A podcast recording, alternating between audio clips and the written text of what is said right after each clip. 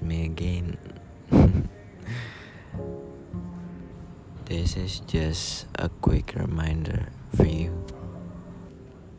You are amazing. You're loved. You're beautiful.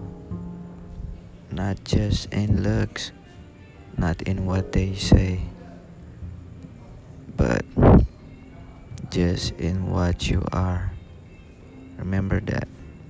You deserve all of my love. You deserve to be happy every day. And it is okay to be sad sometimes. But I know you are brave and strong enough to face your fear. And I'm really proud of you. Don't listen to bad things that other people say to you. They're just talking shit. Okay, listen this. You are the artist of your own life. You can make anything that makes you happy. And please make sure you make a beautiful masterpiece of your own life. okay, that's it.